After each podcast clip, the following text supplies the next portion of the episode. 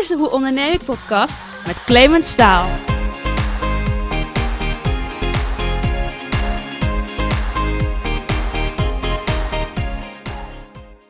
Welkom lieve luisteraar, leuk dat je luistert naar de Hoe Onderneem ik podcast.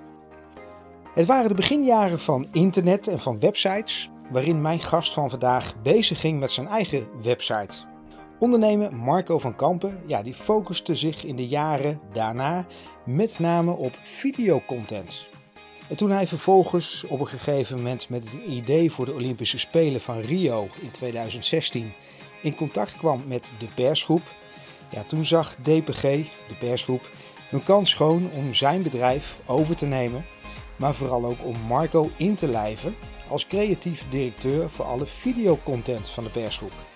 Bij echte ondernemers kruipt het bloed natuurlijk waar het niet gaan kan. En na een aantal jaren slaat ook Marco inmiddels zijn vleugels weer uit. Naast een mooi ondernemersverhaal heeft Marco ook vandaag een scoop. En die heeft te maken met het succes van Rumach en de doelgroep die zij bedienen. Luister mee naar het gesprek dat ik had met Marco van Kampen.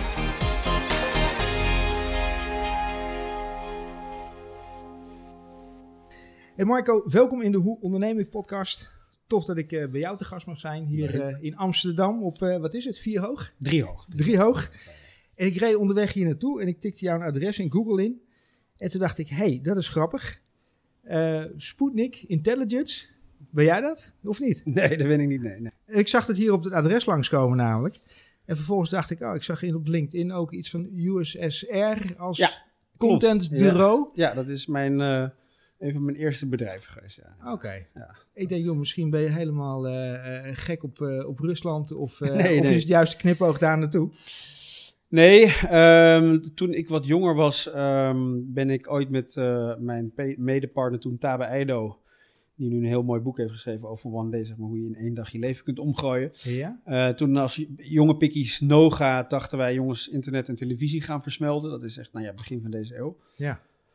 Um, toen ook met een aantal televisiepersoonlijkheden zijn we dat toen begonnen. Um, nou, toen bleek natuurlijk die, die, dat, ja, dat was, de visie klopte wel, alleen we waren een stukje te vroeg, een jaar of 10, uh, 15. Ja. Um, maar de, he, wat wij deden, we bouwden op een gegeven moment veel online sites. ik kon ook wel een beetje programmeren, Flash met name. En samen ja, bouwden we eigenlijk, werden we eigenlijk een soort standaard internetbureautje, maar wel altijd met het idee, jongens, we willen iets met televisie doen. Dat trok ons toch nog aan. En nog steeds moet ik zeggen, is tv blijft nog steeds een fantastisch medium. Um, ik zat gisteren nog met jongens van 19 die zeiden, ja, wat wil je nou echt? Ja. En die hebben een heel groot uh, platform op Instagram. En zeiden, ja, we willen op televisie. Dus het is zo bizar. En dan is het iets meer richting streaming, maar dat toch op de, op de, sorry, op de buis is dan toch op de een of andere manier, ja. nou ja, dan maar sta je. Dat is op zich wel apart. Want ik spreek natuurlijk heel veel jongeren uh, in, mijn, in mijn werkomgeving. En uh, ja, Sommigen kijken één, twee keer per jaar, zeg maar, uh, tv. Het is met name Netflix, streaming en dergelijke. Ja, maar je ziet zeker wat ook Videoland goed doet, is natuurlijk ook gewoon heel veel local content. En uh, je mm -hmm. ziet ook bij Amazon, HBO komt eraan, uh, Disney Stars. Mm -hmm.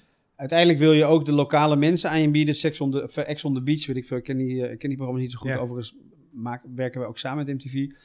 Um, ja, daar kijken heel veel jongeren naar. Temptation mm. Island, Expeditie Robinson. En dat zijn toch programma's ja. die ook jongeren bezighoudt. Want het is natuurlijk niet zo dat ze alleen nog maar naar series en films kijken. Want ze willen ook real-life entertainment. En uh, ik weet niet hoe het met quizzen en zo zit. Volgens mij is daar wat minder appetite voor. Ja. Daar zijn te veel andere spelletjes voor. Maar...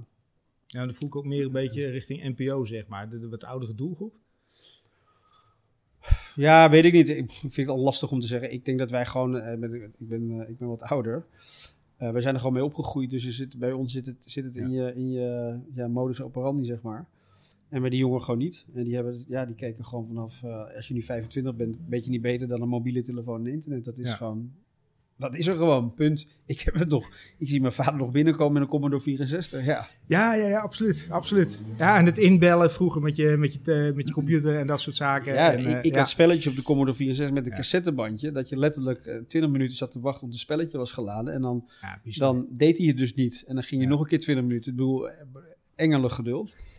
Uh, overigens zeiden mijn ouders dat het engelen geduld wel meeviel, maar ja, dat was een mooie tijd. Ja, ja, ja, ik kan het niet meer voorstellen bijna. Althans, de jeugd van tegenwoordig kan zich daar niks meer voorstellen hoe dat uh, destijds was. Nee, maar daar kwam wel mijn liefde voor programmeren. Want ik weet nog heel goed, dat had je van die spelletjes, met name Formule 1 had je toen ook. Had je, en dan later kreeg je die floppy disks. Ja, ja. En die wissel je dan uit op school. En wat wij, dan probeer je dat te hacken, zeg maar. Dan probeerde jij zelf op één, nummer 1 te hacken. En dan had je bij Sega en zo. En Electronic Arts had je toen ook al. En dan probeerde je jouw naam, dus in plaats van Electronic Arts, zonder dan Marco van Kamp ineens in. En dan gaf je die floppy disk op school door. Ja, dan stond iedereen stond altijd op nummer 1. En uh, ineens was, nou ja, stond uh, Marco van Kamp als producent van het, uh, van het spelletje. maar dat moet zeggen, dat was wel leuk. Een beetje liefde voor. Niet programmeren, ik ben er niet goed in, maar ik, vind, ik heb het altijd wel gefascineerd gevonden. Ja, want je achtergrond is, is uh, je hebt een studie economie gedaan, zeg ik. Ja, maar niet afgerond. Oké, okay. je ben... hebt er wel een paar jaartjes uh, over gedaan. Zeker, zijn. ja, zeker. Nou ja, nee, absoluut. En uh, ik heb het ook echt ge, ge, genoten. To the max, ja, absoluut. ja. Uh, nee, ik was eigenlijk al zon. Ja, ik, ik, ik ben. Het gekke is, ik heb een enorme voorliefde voor geschiedenis. En ik hou ook echt van geschiedenis lezen en überhaupt van lezen en nieuws. En toen zei iedereen na mijn uh, VWO-eindexamen van je moet echt geschiedenis gaan studeren of iets in of politicologie. En toen zei ik natuurlijk heel eigenwijs ja, maar ik ga, nee, ik wil dat, ik ga recht of economie doen. Mm -hmm. Beetje op baanzekerheid.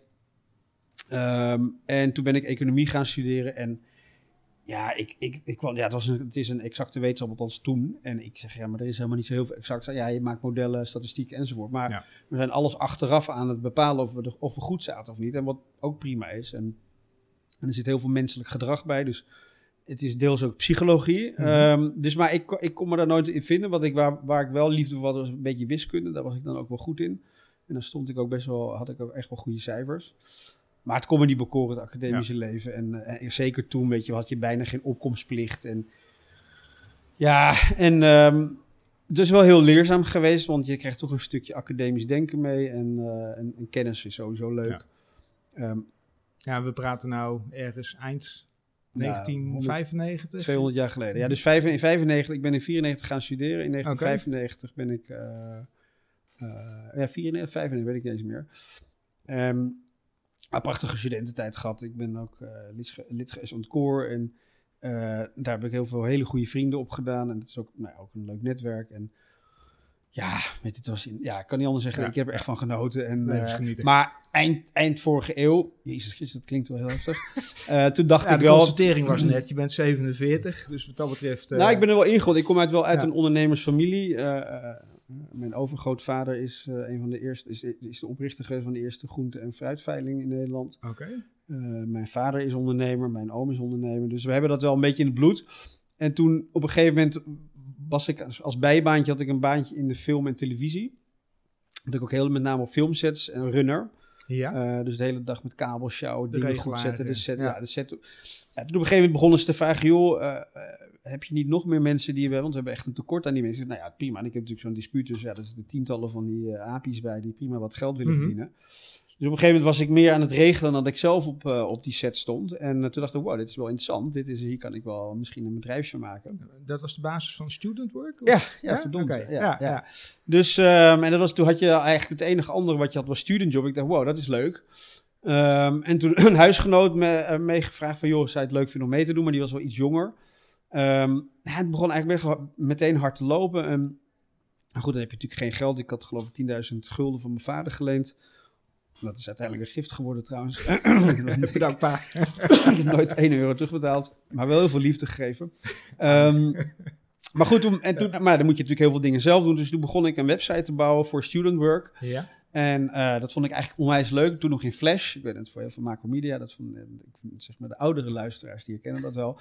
Maar ik vond ja, het echt oud, oud. Ik ben ook 46. Ik word 47 dit jaar. Zo oud voel ik me ook niet. Nee, maar, nee, maar ik voel me niet oud. Maar goed, voor de, ik geef veel met jonge mensen ja, om. Dus ja, voor hun ben ik gewoon een, uh, een oude man. Ja.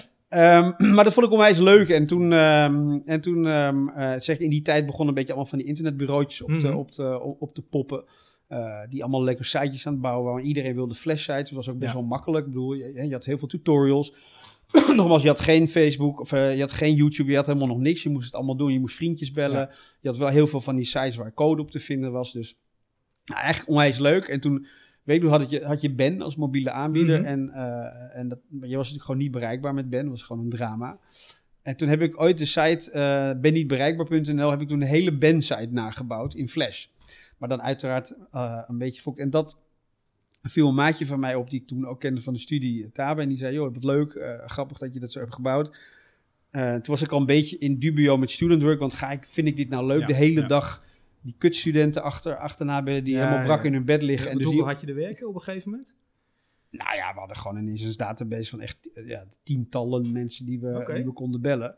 En we hadden ook al best wel wat omzet. Alleen ja, mijn partner Martijn, die, eh, die zijn, zijn ouders, ik moet zeggen dat dat ook wel een beetje puin op van de boekhouding, want we wisten, wisten niks. Ik bedoel, was niet echt. het Was, eh, na- Ja, klinkt als het standaard eh, cowboy verhaal. ja, gewoon kansloos eigenlijk. Maar, maar goed, en Martijn, die, eh, mijn, mijn, eh, mijn huisgenoot toen, eh, ja, zijn ouders die zeiden, ja, weet je, maar eh, wil je dit nou? Je bent nog een stuk jonger. Hij was ook wat jonger dan ik. Mhm. En ik zei, ja, ik, vind, ik wil gewoon ondernemen. Whatever happens. Ik vind het zo heerlijk, die vrijheid. En, ehm, maar goed, in die tussentijd was ik bezig dus met die sitejes bouwen. En toen kwam Taber naar me toe en zei, Marco, we zijn dit bedrijfje begonnen, Chips New Media. Zou je het leuk vinden om te helpen? Ik zei, nou, is prima.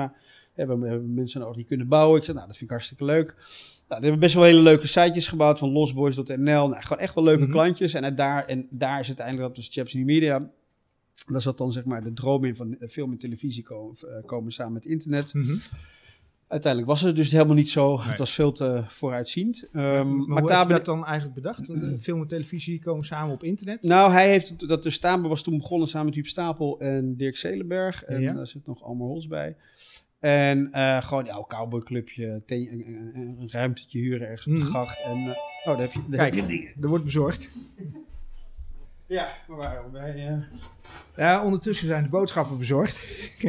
ja, dat was. Dat eh, doe je goed, dat is makkelijk hier. Nee, je had het over, eh over zeg Ja, goed. student work en vervolgens... Ja, dan zitten we heel erg mijn levensverhaal te vertellen. Maar kijk, als het over ondernemen gaat, is het gewoon ook een stukje toeval. Ja. Ehm, ik vond het leuk om eh, wat dingen te doen. Ik had die website gebouwd. Dat viel een beetje op, hè, want je had toch niks. Viral bestond nog helemaal niet. Je had geen sociale media, je had geen WhatsApp, je had nog de sms. Liepen nog met Nokia's en Ericssons in de ronde. Ja, Eh, niet verkeerd trouwens, maar oké. Nee, het leven was een stuk Stuk overzichtelijker toen. ja. Maar goed, ja, weet je, dan kom je iemand tegen uit je netwerk die zegt, kan je helpen? Vervolgens nemen een aantal mensen die met, met wie hij uh, dat toen gefound had, nemen afscheid. Zijn we met z'n tweeën doorgegaan, sitejes bouwen. En dan komen we bij het USSR-stuk, Mhm. ehm, de Tsaargroep van, eh, van een aantal reclamemensen. Dat is echt het grootste commercial productiehuis van Nederland en België. Dat is nog steeds een begrip in Nederland. En zij waren toen be- begonnen met CCCP, bekend productiehuis van Mhm. Matthias Schut. En toen nog Ilko Keunen. En toen zeiden ze, we, hebben eigenlijk, we krijgen veel meer aanvragen, ook vanuit de bureaus, ehm, om met oplossingen te komen voor de digitale vraagstukken, met name online. Ehm, steeds meer merken zagen de kracht van online en dan vooral in de actiemarketing. Dus nou, daar werden echt ik, bedoel, ik heb de meest bizarre sites gehad. Dat zou je nu denken, mijn god, waar, waar gaat het over? Dus zij vroegen aan ons, en ze hebben toen ook in ons geïnvesteerd, om ehm, ehm, nou, de digitale tak te zijn binnen Mhm. de Tsaargroep. Nou, Alles heet het Tsaar, CCP. eh, ons eh, centrale netwerk heet de Kremlin. en je had inderdaad nog Sputnik. Nou, je had van alles en nog wat. En dus wij werden USSR. Ja. Alleen ja, wat ik vertelde, Tabe en ik, die hadden echt wel de ambitie om ook televisie te maken. Ja. Eh, dus Tabe die ging zich helemaal op de televisietak storten. En ik werd verantwoordelijk voor het digitale gedeelte. Dus we hadden echt, eh, nou ja, we hadden behoorlijk wat art directors en programmeurs zitten. En ik, ik kom ergens nog een filmpje van jou tegen, eh, of een, een pitch, eh EU1. Ja, dat is, Ruben ja, Nicolai. Is dat, nog later dan? Dat Of- is weer een... Nou, ja, ja, ja. Oké, Ja. gaat Nee. hard. Wat zeg je? Ja, je maakt, ja, gaat ik zal het kort aan. Nee, maar goed, USR was gewoon ook een beetje een, ja, bijna oprecht. We waren echt wel aan het ondernemen, maar ik moet je Mhm. zeggen, daar hebben we zo verschrikkelijk veel fouten gemaakt. Ja. Die uiteindelijk onmisbaar zijn voor de toekomst. Ik kan niet anders zeggen. We hebben daar de meest briljante dingen gedaan. We hadden zelfs op een gegeven moment een kantoortje in Shanghai. Eh, eh, we hebben samenwerking gehad met eh, Shanghai Media Group, twee van de grootste mediabedrijven op aarde. We hebben, we hebben een hele, we hebben een, een, hoe noem je zoiets ook, een profielensite Ja. wij, Soap Show heette dat. Dat kan je nog op nu.nl. Was partner eh, was Sanoma. We hadden dus ook een joint venture mee. ja. Omdat wij dachten, weet je, de wereld volgens mij, dat was toen ik geloof 2002 of 3, I don't know. Dus in de tijd van Hives ook nog? Nee, we waren nog voor huis. Voor Hives. Ehm, maar goed, daar zie je dus hoe je een paar dingen niet zo slim doet. Maar goed, wij dachten, wij gaan de wereld, gaat zich zo meteen, we gaan elkaar online ehm, spreken door middel van plaatjes, tekst en voice en video. Mhm, mhm. Maar goed, ik, volgens mij YouTube was toen net opgericht, volgens mij 2003, 2004. Maar goed, wij dachten, ja, dit gaat het worden. En Ja. we hebben letterlijk op een bierveeltje dit verkocht aan Sadama. Zei, ja, dit geloven wij ook. Zo'n profielomgeving. Die had toen Friendster in Amerika. In Nederland had je een paar partyvlog kwam hier. En je had nog één of twee van dat soort Mhm. beetje profielen sites waar Ja. mensen elkaar vonden met van die messageboards. En ehm we hebben daar het geld van Zadem aan gekregen. En we hadden toen zo'n achterlijk eh, slimme, goede site gebouwd. Maar met Mhm. zoveel idioot veel features die waar niemand op zat te wachten. Maar wij van wij Over dachten, ja, maar dit moet echt. Eindeloos vergadering of een knopje daar moest, daar moest. Het moest blauw, geel, groen. Nobody gives a fuck. En dat is wel wat ik daar geleerd heb. Weet je, overdenk je product niet en ga gewoon live met wat je op dat moment hebt. Je, je zegt, ik heb wel heel veel fouten gemaakt, maar zie je dat op dat moment ook? Of, of is dat eh, voortschrijdend inzicht? Nee, helemaal niet. Maar sommige dingen die zo voor je liggen. En ik weet nog heel goed, want de- de oprichter van Hives, Raymond Spanje, is mijn dispuutgenoot. Mhm. Ik weet nog heel goed dat wij toen bij, ehm eh, voor- eh, hoe heet het ook, Vertigo in het Vondelpark, eh, dat, Ja. toen belde hij mij op en zei, Marco, kunnen we even een koffie drinken? En hij was toen bezig met Hives. Ja. En hij was natuurlijk, hij denkt, wat de fuck zijn die gasten nu ook een smoele site begonnen? En dat was nog een stukje voor Hives. En ik denk dat zij hebben gewoon sowieso, denk ik, veel beter doordacht waar het doorheen ging. Veel meer op venster eh, geënt. Mhm. Maar een hele briljante tool die zij online hadden gezet is... Vul hier je e-mailadres in en hotmail en, wij, en nodig al je hotmail-adressen. Ja, ja, ja, ja. Super simpel. Echt olievlek. Maar gewoon geniaal. Ja, Zo, hoe ze- ja. in, in, de, in de eenvoud. Dan weet ik niet als wij dat ook hadden gedaan of Soapshare dan, want het was een te ingewikkelde site, want je kon 15 minutes of fame verdienen.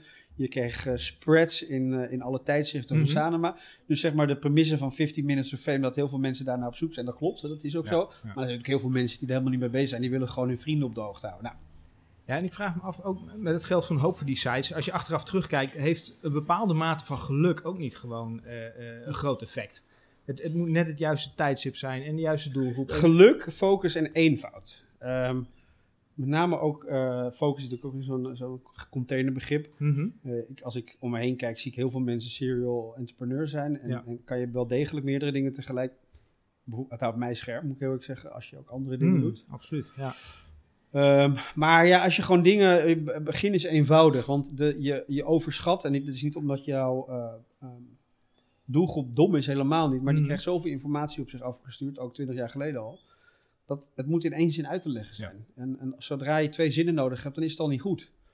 Dat is een hele basale regel. Dat is ook wat John de Mol zegt. Een concept moet gewoon in één zin uit te leggen zijn. En anders is het gewoon geen goed concept. En eh, dan is het aan de toehoorder of die erin in meegaat of niet. Maar dat is ja, dat is in ieder geval wat ik heb geleerd. Keep it fucking stupid simple. Echt. Want dat is gewoon eh, uiteindelijk. En daarna ga je bouwen, dan krijg je eh, feedback van je gebruikers. En dan ga je daarop itereren. En op een gegeven moment krijg je een steeds beter product. En eh, nogmaals, je moet ook geluk hebben. Je moet de eerste zijn. Je moet genoeg geld hebben. Ehm, een van mijn oud-partners en investeerders is Maarten Beuker. André die zei altijd, weet je, het stikt van een goed idee, maar uiteindelijk, uiteindelijk gaat het ook om de lange Ja, adem. Ja. Ja, ze zeggen de rijkste plek is volgens mij het kerkhof. Daar liggen al die goede ideeën, maar die zijn uiteindelijk nooit, eh, Ja. nooit uitgewerkt. En niet per se uitgewerkt. Er zijn heel veel goede ideeën begonnen. Alleen uiteindelijk, je hebt ook tijd en, en, en, en ook dus daarmee financiën en resources Mhm. nodig om fouten te kunnen maken in, in een proces. En we zien natuurlijk alleen maar de succesverhalen waar ook heel veel geluk bij zit en ook heel veel diepe zak. Ook een Zuckerberg, eh, Bill Gates komen allemaal uit schatrijke families en dat wil niets afdoen aan hun, eh, Mhm. aan hun kwaliteit. En, En eh, dat dat betekent wel misschien dat ze funding hebben, diepe zakken hebben en het voor elkaar krijgen. Nou, Dat je, dat je minder snel bezig bent met je businessmodel misschien, maar meer Ja. bezig bent met het bouwen van bereik Ja. en, en, en waarde creëren. En dat is ook, overigens ook wel een verschil in Nederlandse investeerders en denk ik met buitenland hoor je ook wel veel om je heen, is dat Nederlanders heel erg zitten op eh, verdien je al geld, maak je al winst. Ja. Terwijl ze in Amerika zeggen, het feit als je winst maakt, dan heb je ons niet nodig. Dat is echt wel, want dan, blijkbaar kan je het dan zelf financieren. Nou goed, dat is natuurlijk wat, wat gechargeerd. Eh, en dat mis ik terwijl we in Nederland, wij staan ons voor op onze handelsgeest, maar op dat vlak moet ik zeggen dat ik dat nog wel eens mis. Ja. Eh, aan de andere kant, ja, we hebben genoeg mooie multinationals uit dit land eh, over de wereld uitgestort. En, eh, vervolgens heb jij eh Makerschannel neergezet. Wat, Ja, nou, USSR Oh, hebben we toen zes, ja. zeven jaar gedaan. Op een gegeven moment was het ook wel een beetje het einde. En, en ook moet ik heel erg zeggen dat, ehm, ik bedoel, je, je betaalt heel veel leergeld, maar we kwamen op een gegeven moment, weet je, we zaten gewoon een beetje... we hadden echt wel een paar kansen gemist. En het was wel een, een, in potentie een heel, we hadden echt wel een heel succes. Maar we waren gewoon te jong en te veel eh, cowboy. Ook niet zozeer cowboy in foutheid, maar wel in ambitie. We wilden te veel, te groot. En toen ben ik op een gegeven moment eruit gestapt. Eh, eh, en ben ik ja, heel veel even niks gaan doen.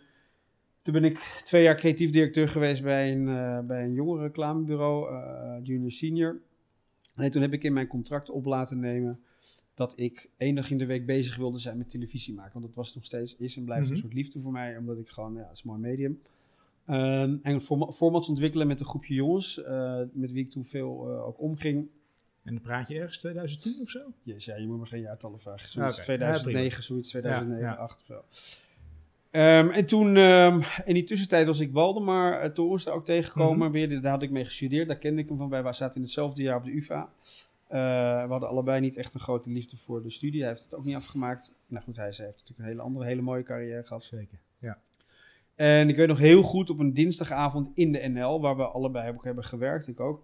Eh, en toen zaten we daar op een, niet, niet al te nuchter meer waarschijnlijk. En toen had ik een soort, ik wilde heel graag een, een film maken over het leven van Michiel de Ruiter. Dat was toen, eh, dat, die was er toen nog niet en ik heb heel veel over hem gelezen. Ehm, en dat vond hij fantastisch. En jezus, wat leuk. En toen zei ik, nou, ik, ik werk nu bij Junior Senior en ik heb zeg maar één dag in de week besteed ik aan compromisloze televisieformats ontwikkelen. Mhm. Dat zou het leuk vinden om mee te denken zijn. Nou, te gek.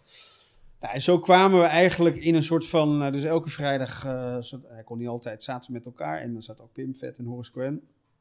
En toen kwam er een format, en volgens mij kwam het uit de koken van Horace en, en Pim, of Horace en Bond, maar weet niet Mhm. meer. Ehm, en toen, omdat we ook wel geschiedenis heel leuk vinden allemaal, en toen hadden we het format dat, wat, dat heette We komen even sorry zeggen. Nou, en wat gingen we dan doen? In eerste instantie was dat dan Waldemar en misschien nog een eh, acteur, of sorry, een presentator Ja? was toen niet helemaal duidelijk. Die gaan naar onze eh, voormalige kolonies en gaan Mhm. proberen het echte verhaal te vertellen. Ja. Eh, maar omdat het alles maar beladen ook toen al was. eh, we komen sowieso sorry zeggen. Even los van of het wel of niet. Mhm. Hoe de fuck zijn wij om dat te doen. Maar het is gewoon een beetje tong in cheek. Fuck it, we gaan dat zeggen. En dan haal je een beetje de druk van de ketel en dan ga je gewoon het gesprek aan. Nou, Maar Toen- wa- wa- was dit een serieus iets? Of Ja, zeker. Het klinkt ook iets van, van eh karikatuurachtig? Nee, hap- nee, absoluut niet. Nee, nee, nee, sterker nog.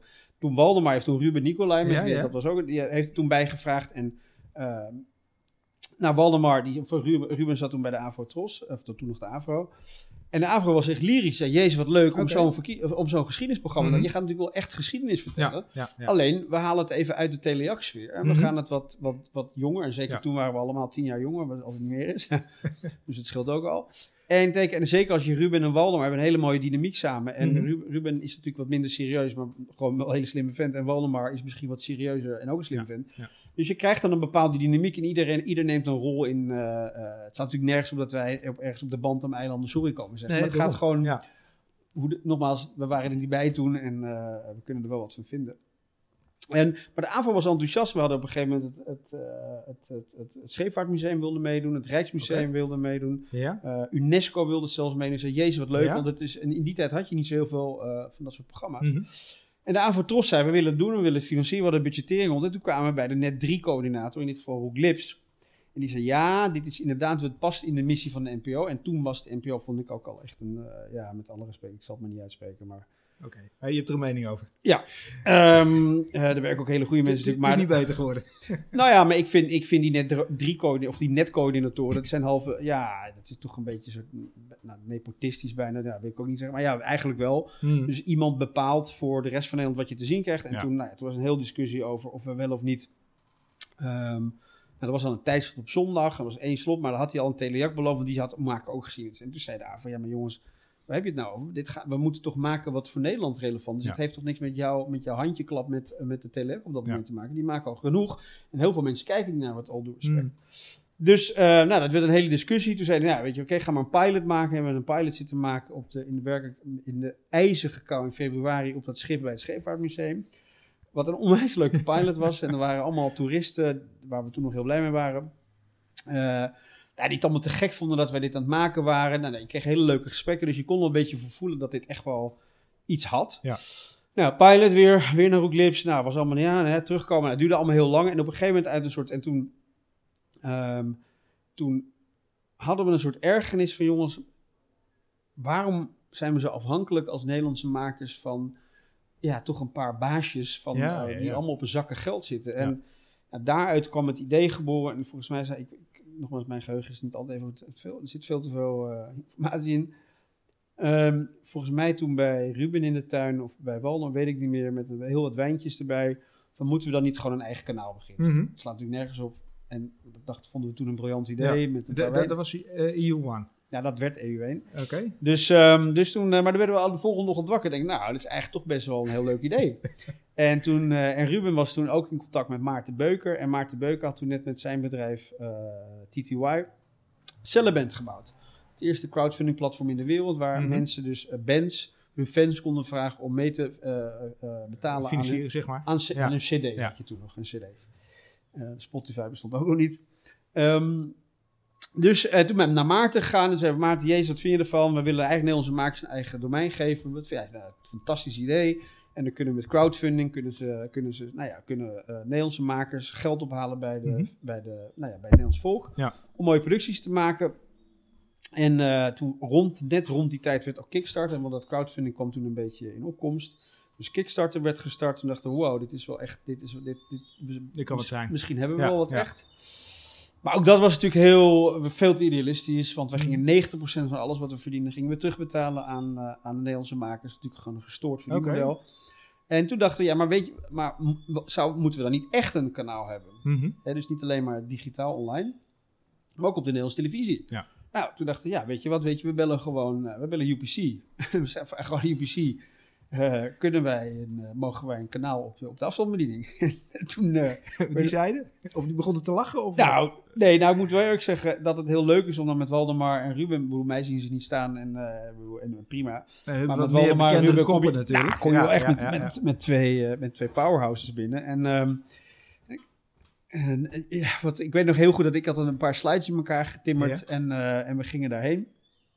En toen, eh, toen hadden wij dat gesprek van, jongens, we zijn bezig om een soort corridor te creëren voor Nederlandse film- en televisiemakers. Wij Mhm. denken dat we een beetje op moeten gaan staan. En ja, toen ook al een beetje met YouTube en zo. Dat we, hè, de- op de achtergrond was het al een beetje gaande in de wereld. Voelde die mensen zijn een beetje Ja. zich los aan het trekken van het establishment. Ja, je kan je nu niet voorstellen dat het niet heeft bestaan. Hè? Maar het bestaat een jaar of 15 ondertussen, zoiets. Ja, Dus ja, zeker.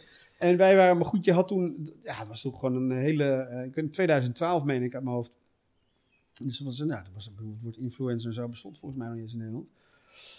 En, ehm, maar goed, wij naar naartoe, naar UPC. En eh, nou, die mensen vonden het echt een heel leuk idee. Ze Mhm. zeiden, jezus, wat leuk. En nou, dat kunnen we wel over praten. Dus, zei, en toen, toen zei ja, maar goed, we zijn wel een on-demand kanaal. Kan dat dan ook op de Ja hoor, dat kunnen we ook bouwen op de afstandsbediening. Dat was toen ook de eerste echte kanaal die op, af, Mhm. zeg maar, op een eh, on-demand kon. En, ehm, maar toen vroeg, eh, vroeg een van die UPC-bazen, vroeg van, joh, maar hoe zit die financiering in elkaar? En Maarten Beuken was ook bij die meeting en die is natuurlijk een stuk, was toen dan zeker een stuk business savvier op dat vlak dan wij. En toen zei ja, wat bedoel je? Dan zeg je van, nou ja, hoe zit het in elkaar? Zei, nou ja, we zijn op zoek naar eh, founding sponsors. En toen zei hij, dat, dat, vinden wij wel heel interessant, dat zouden wij wel willen doen. En toen op een gegeven moment toen werd er ook gevraagd van, wat zou die, wat zou die dan nodig hebben? Mhm. En, eh, en toen zei Maarten, bedoel, we hadden er nooit niks nul eh, over Nee, gesproken, nee. maar gewoon niet. Eh, en toen zei Maarten, ja, twee ton. Eh, en toen, eh, toen, zei, toen zei hij, oh, toen Dat zei maar letterlijk aan tafel, dat is goed. Ja. Dat, nou, dat klinkt op zich niet als, nee, dat Nee, klinkt helemaal niet gek. zei Maarten, maar het is wel voor twee jaar. Dus we moeten nog, dus het vier ton. zei, nou, dat is, dat is, dat is een soort van goed. Oké, wat de fuck gebeurt hier? en dus geen aandeel weggegeven, helemaal niks. Wisten wij van dat UPC, dat zwemt, zwom zeker toen ook echt in het geld. Toen dachten we, maar toen had je nog Ziggo apart. Toen dachten Ja, we, ja. dat, dat gaan we nog een keer uithalen, dat Trucje, hetzelfde trucje. Weet ik nog heel goed. En eh, toen kwamen we bij, eh, bij eh, wisten wij ook veel dat UPC en Ziggo, die mensen gewoon met elkaar spraken toen al, die wisten alles al. Dus wij kwamen bij Ziggo. Joram Levy weet ik nog heel goed, eh, schitterende vent. En eh, wij bij Joram, en ik geloof, ik weet niet meer wie er nog meer, nog zat nog iemand bij. En dus wij weer hetzelfde verhaal Mhm. afdraaien. Zijn nou hartstikke leuk. Wij willen ook wel op Ja. Ziggo willen we ook wel een kanaal geven. En eh, nou, we willen ook founding sponsor. En toen hadden we bij Ziggo natuurlijk hadden we gezegd, nou, weet je, van, het ging zo makkelijk die twee. Doe maar twee. We maken er 2,5 van. En, Ah. toen, en, toen, en toen zeiden ze ook, ja, ook voor twee jaar. Dus we hadden dus letterlijk, ik geloof in anderhalve maand, 900.000 euro opgehaald. Echt gestoord als je er achteraf over nadenkt. Ja, mooi. Ehm, en eh, dat, toen konden we gaan bouwen. En, ehm, maar goed, zeg maar, dat, dat, dat idealistische, want Mhm. dat heb ik wel echt een beetje ook in het ondernemen. Ik hou er wel Ja. van om een soort van eh, verschrikkelijk KUT-woord, maar dat purpose, dat, Ja. dat, daar geloof ik wel echt in.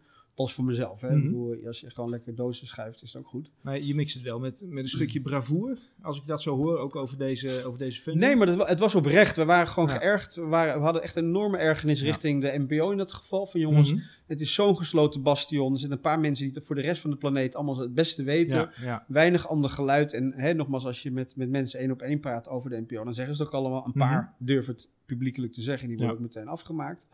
Ehm, en de NPO maakt fantastische programma's, begrijp me niet Mhm. verkeerd.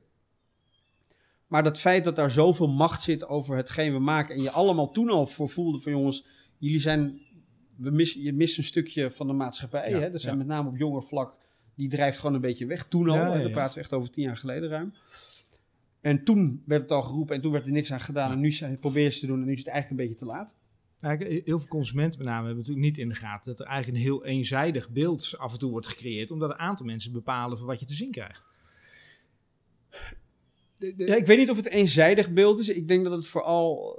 Er is weinig. eh, Ja, als ik, als ik heel kijk, als je gewoon kijkt naar wie de afgelopen tien jaar televisie maakte, de meeste mensen zijn er nog steeds. Ja. Hè, dus weinig vernieuwing. Eh, eh, als het vernieuwing is, is het altijd een beetje een soort excuusvernieuwing. We Mhm. moeten jongeren.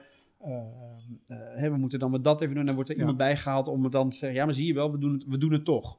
Terwijl ik denk, ja, maar het is niet, zit niet intrinsiek in je organisatie. Dus het is gewoon niet geloofwaardig. Ja, als je kijkt naar al die streamingdiensten en je kijkt naar YouTube natuurlijk, wat daarvoor eigenlijk al was, ehm, ook al is het dan heel jong, ik bepaal zelf wat ik wil gaan kijken. Ja, maar kijk, ik denk, ik kijk het fenomeen televisie en even los natuurlijk, natuurlijk ehm, met name de jongeren hebben, ehm, hebben natuurlijk het, de contentconsumptie vanwege de beschikbare technologie gedemocratiseerd. Ja.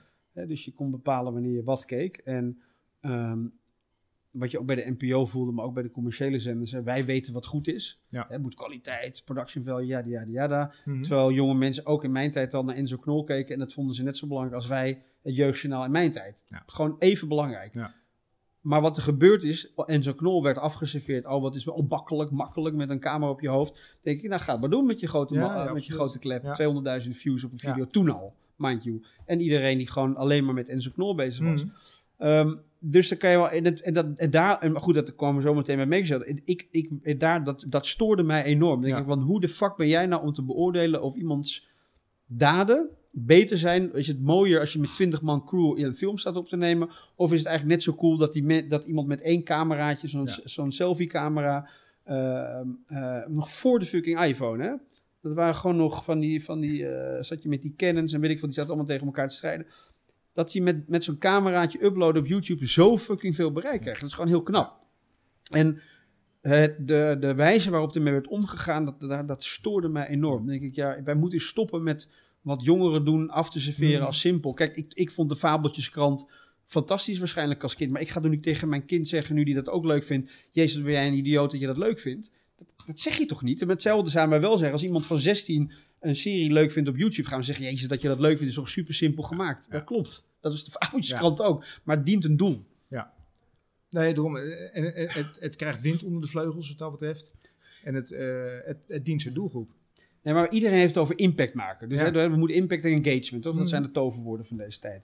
Dan heb je heel veel jonge makers, of je ze nou eh influencer noemt of muziek maakt, maakt niet zoveel uit. Dat zijn mensen die online honderdduizenden volgers hebben. Op één post of een video, miljoenen kliks en likes en weet ik veel wat. Dat is impact en dat is engagement. Dat zie ik geen één NPO-programma doen, maar dan ook werkelijk geen één. En toch vindt de NPO en heel veel andere zenders dat zij, wat zij maken, verhevener is boven hetgeen die mensen online maken. Wat is dan de reden dat zij dat afserveren? Nou ja, wat, wat on- onbekend maakt onbemind. Hè? Dus, het is, dus het, is, eh, het, het, het is natuurlijk een soort van. En dat heeft ook een beetje met misschien. eh, een deel heeft ook een soort kunstachtergrond. En, eh, dus eh, dus de, de, de toneel is weer, Ja, ja. staat weer boven film en tv. Nou, weet je, dat is ook Allemaal wel eens elitair ook? Nou, ik vind het woord elite. Het is maar net hoe je bent, ge- bent gevormd. En er is, het is niet goed of slecht. Mhm. Maar ik gewoon niet zo goed. Prima als jij vindt dat jouw kunstvorm beter Ja, is, prima. Maar ga niet de ander desavoueren. En, en dat is wat er gebeurt en gebeurde. Nee, tegen een fractie van de kosten. Met een groter bereik over het algemeen. In ieder geval de engagement is veel groter. Ehm, en je doet het in je eentje. Althans, een hoop influencers beginnen in hun eentje. Krijgen op een gegeven moment wel een soort productieteampje eromheen. Eh maar lang niet die 20, 30, 40 man die dan bijvoorbeeld een NPO-programma heeft. Ja, nee, maar nogmaals, dus eh, ze hebben allemaal bestaan, zegt. Alleen eh, stop nou met. En het grap is dat heel veel jonge makers, en ik zie ze nog steeds ook om me heen, die eigenlijk de televisie is toch een soort. Ja, dan besta je. Een soort holy grail. eh. Ja, nou, maar ook omdat, omdat je dan echt. Kijk, en dat is natuurlijk wel het nadeel van online. Het verdienmodel is natuurlijk best wel KIT. Ja, het is gewoon ruk. Ja, Ja, je bent afhankelijk van wat branded content en Ja. de AdSense van Google. En that's it. En Ja. nogmaals, je met een miljoen views, zoals Stuk TV nog een aantal doen, dan kan je heus wel echt goed geld verdienen. Mhm. Maar het is niet de budgetten die je op televisie krijgt. En dat is natuurlijk die, omdat die reclameblokken worden verkocht. hè. Dat is natuurlijk een heel ander verdienmodel. Met 1100 kastjes nog steeds. Maar... nee, maar goed, dus voor mij was, de, en dat is ook de reden van Makers Channel geweest, is dat, dat toen wij met EU1 begonnen waren voor de Nederlandse film en televisie maken, was gewoon de verkeerde doelgroep. Die zitten en zaten, en terecht misschien, of niet terecht, weet ik niet. Die waren gelieerd aan de grote producenten en de zenders. En, Mhm. daar, en daar ineens van wegdrijven. En eh, ze vonden het ook zeker in die tijd ehm, niet altijd makkelijk om geld te vragen voor producties. En dat is, ja, dan moet je kwetsbaar ben je dan. En als Mhm. het dan niet lukt, ja, dan heb je, dan heb je gefaald, zeg Ja. maar, voor, voor een hoop. Ehm, maar ja, tegelijkertijd zie je wel, zag, ik, zag je zeker toen het fenomeen in, in, in, met name PewDiePie, en er staat echt een aantal, en ook Enzo Knol in Nederland en nog een paar, eh, Milan Knol zijn broertje, die ook met gamen echt wel heel groot aan het waren, waren met een enorm bereik en, en engagement vooral. Ja, toen dacht ik op een gegeven moment, toen zei ik eh, tegen, tegen mijn medefounders, weet je, ik, volgens mij moeten we ehm, nog één keer een pivot maken, Mhm. om maar eens even een, eh, mooi woord te zeggen. En moeten we ons op die, makers, op die generatie Ja. jonge makers gaan richten. Volgens mij moeten wij, want ze willen eigenlijk ook wel stiekem naar televisie. Wat nou als wij een platform creëren Mhm. wat die brug gaat slaan? Dus we gaan niet concurreren met YouTube, dat slaat nergens op. Maar je bent een alternatief naast YouTube waar je extra verdienmodellen hebt. En toen, wij waren al in gesprek toen ooit met Mark Bruidsman van SBS, die toen een zenderbaas was. Ehm, die wel heel erg gecharmeerd was van de EU1, maar ook wel zag, ja jongens, 90% van je geld teruggeven is natuurlijk een beetje Ja, idioot wordt hem niet. heel leuk altruïstisch, maar daar ga je geen business op bouwen. En toen ging hij naar Fox, kwamen we weer in gesprek, Fox International. En toen zei hij van, nou, ik vind het eigenlijk wel heel cool. Mhm. Ik wil me een stukje eh, als founding sponsor funden. Ehm, ook met de afspraak dat als we bepaalde KPI's zouden halen, dat zij dan ook eventueel de, het bedrijf zouden in- investeren of overnemen.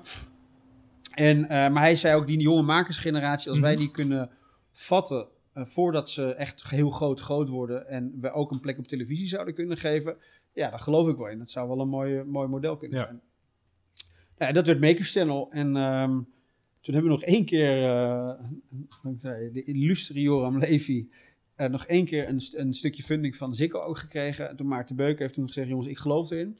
Ehm, ja, gewoon, met, gewoon een funding rondje gehaald. En, eh, en toen zijn we gaan bouwen.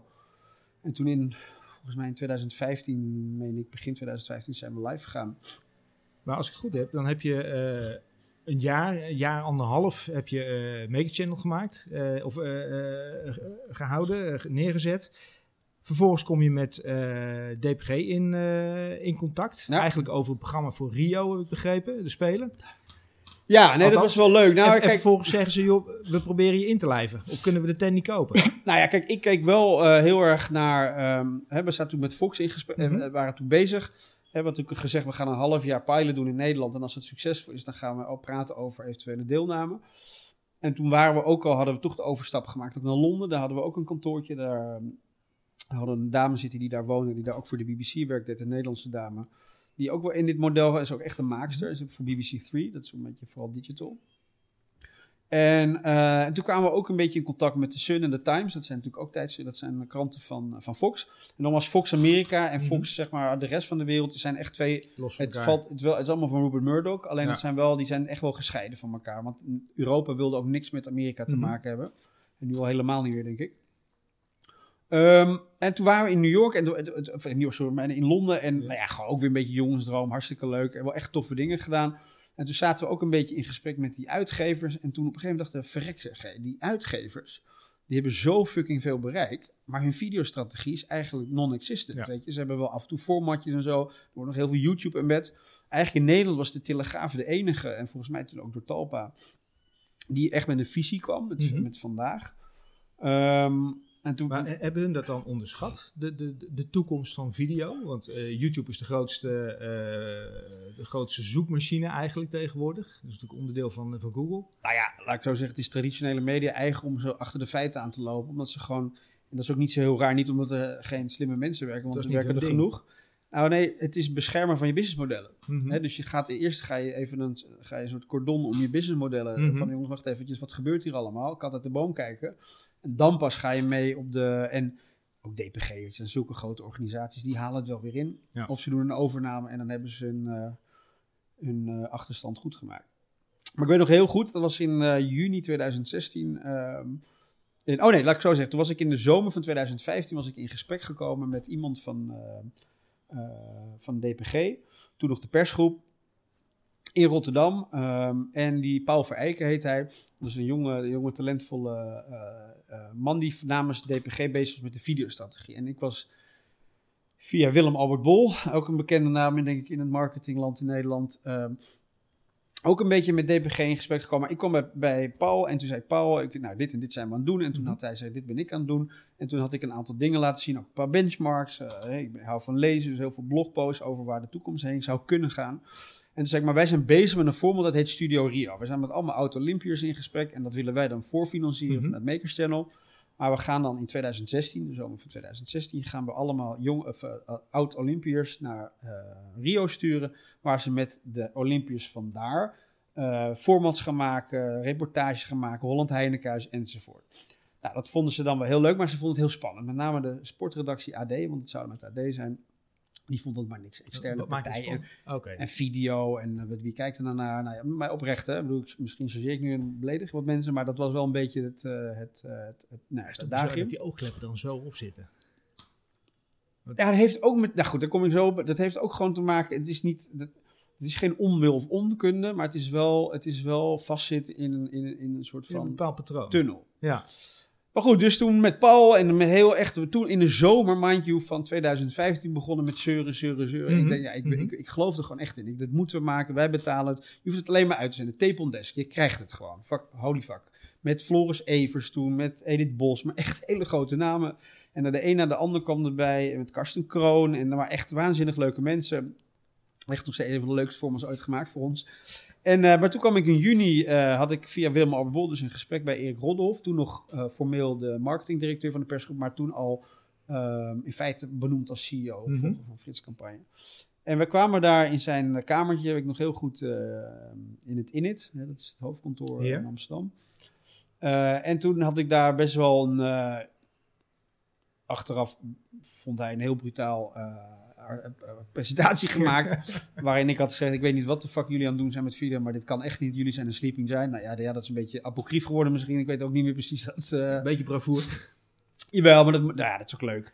En toen zei ik van ja, maar wij, en toen ook omdat we met, met, toen met de Times hadden we een kookformat gemaakt, dat wel heel, heel goed had gewerkt. En toen dachten we, oké, okay, maar weet je, als wij nou dingen met, met elkaar gaan maken, die technologie mm -hmm. leveren, aan, aan, dan heb je in één klap, dus dan hoef je niet een jaar ja. te bouwen. En zeker ICT binnen dit soort organisaties natuurlijk een drama. En ja, ja.